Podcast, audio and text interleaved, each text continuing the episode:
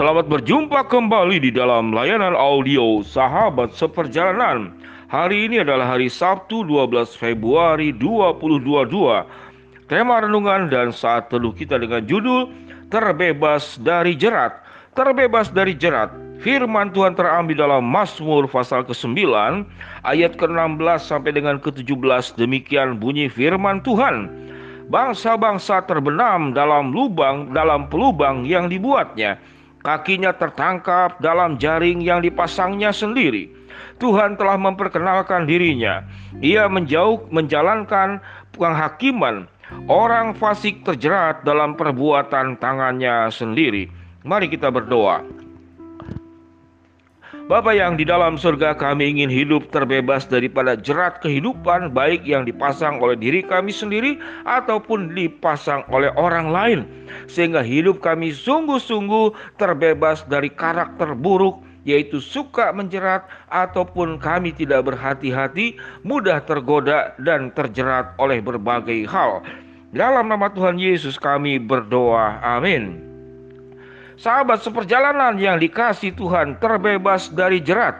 Sewaktu tema ini disampaikan, diucapkan terbebas dari jerat, apa yang terpikir dan pengalaman hidup apa yang pernah terjadi dalam kehidupan sahabat seperjalanan, yaitu kehidupan pengalaman terjerat. Dari banyak pelayanan yang saya lakukan, yaitu yang pertama yang banyak adalah terjerat hutang piutang. Tatkala kita terjerat hutang seakan-akan di awal diberikan bantuan dan kita bersyukur sekali. Sedang butuh-butuhnya ada yang menawarkan bantuan dengan memberikan hutang. Ternyata di belakangnya adalah sebuah jerat yang mematikan. Tatkala hutang kita dalam satu angka tertentu sebut saja satu juta. Dalam waktu yang berikut berlipat ganda menjadi bisa tiga juta, bisa empat juta, melebihi katakanlah bunga yang seyogianya sangat umum dan diatur oleh regulasi pemerintah sebagaimana di bank. Namun ini terjerat ke dalam hutang yang berlipat ganda dengan bunga tinggi. Ada juga yang terjerat ke dalam penipuan yaitu tanpa berbunga. Tanpa berbunga. Diberikan tawaran lalu katakan tidak, katakanlah tidak ada bunga, namun seakan-akan dia memberikan sebuah tawaran, namun kemudian kita harus melakukan DP terlebih dahulu. Maka itu juga adalah jerat. Sahabat seperjalanan, pengalaman di jerat itu adalah pengalaman yang menyakitkan. Mari kita berbicara tentang pengalaman masa kecil saya. Saya masih ingat bagaimana saya menjerat burung pipit dengan memakai tudung saji, tudung plastik untuk penutup makanan, lalu dipakai kayu yang tinggi kecil, lalu ada tali, dilakukan di rumah, di ruang terbuka di mana burung sering datang karena orang tua sering kali mencuci uh, pakaian, mencuci kemudian makanan, lalu niris yang namanya beras untuk membuang jerami di masa kecil dan ada itu butir-butir beras yang terjatuh ke bawah dan sering kali burung pipit itu ada di sana memakan bulir-bulir padi yang jatuh tersisa. Lalu saya lakukan hal itu. Disimpanlah butir pasir, dipasanglah jerat perangkap, memakai tudung saji, penutup makanan, ada talinya, kemudian ada kayu penyangganya. Saya bersembunyi supaya tidak terlihat burung pipitnya datang, lalu saya tarik bagian kayu penyangganya, lalu burung pipitnya tertangkap.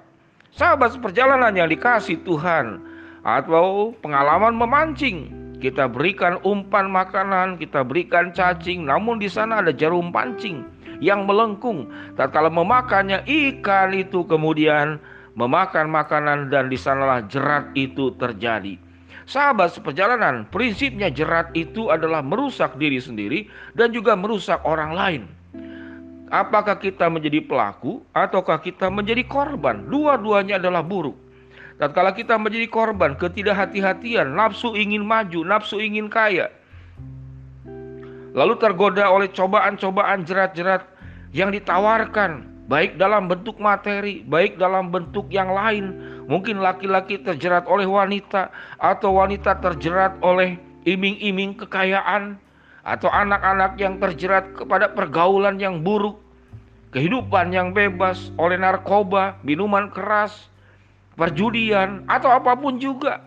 Sahabat seperjalanan yang dikasih Tuhan, atau kita punya pengalaman terjerat oleh penipuan di media sosial yang sedemikian banyak. Sahabat seperjalanan, baik korban maupun pelaku, itu dua-duanya adalah kekejian di hadapan Tuhan. Apa yang firman Tuhan katakan? Bangsa-bangsa terbenam dalam lubang-lubang yang dibuatnya. Kakinya tertangkap dalam jaring yang dipasangnya sendiri. Ini adalah pelaku. Kalau kita pernah memperlakukan setiap orang yang kita temui seperti burung pipit yang kita jebak dalam perangkap, seperti kita memancing menangkap ikan seakan-akan memberi makanan, namun sesungguhnya adalah untuk mencari keuntungan dan nafsu buat diri sendiri. Kalau sahabat seperjalanan berbuat demikian atau ada niat berbuat demikian, maka bertobatlah. Karena mengapa? Karena firman Tuhan berkata sewaktu kita menjerat orang lain, kita bukan sedang berhadapan dengan manusia, kita sedang berhadapan dengan Tuhan. Apa yang firman Tuhan katakan, orang yang melakukan jerat, Tuhan telah memperkenalkan dirinya. Ia menjalankan penghakiman. Ia menjalankan penghakiman. Tuhan akan menjalankan penghakiman untuk setiap perbuatan buruk yang dilakukan. Kalau kita adalah korban, jangan takut. Setiap perburuk perbuatan buruk manusia yang dilakukan Tuhan Maha tahu. Tuhan Maha Tuhan Maha mengetahuinya dan Tuhan akan melakukan pengadilan penghakiman sebagaimana firman Tuhan katakan. Kalau kita menjadi korban juga mungkin karena kesalahan kita, ketidakhati-hatian, kepolosan atau mungkin juga karena keserakahan. Karena kita diiming-iming oleh sebuah hasil yang cepat, sebuah upaya yang ringan namun menguntungkan dalam waktu singkat, kemudian kita terjerat baik pelaku yang menjerat, membuat perangkap, membuat lubang, baik kita juga korban. Seringkali kita pun korban karena juga keberdosaan kita.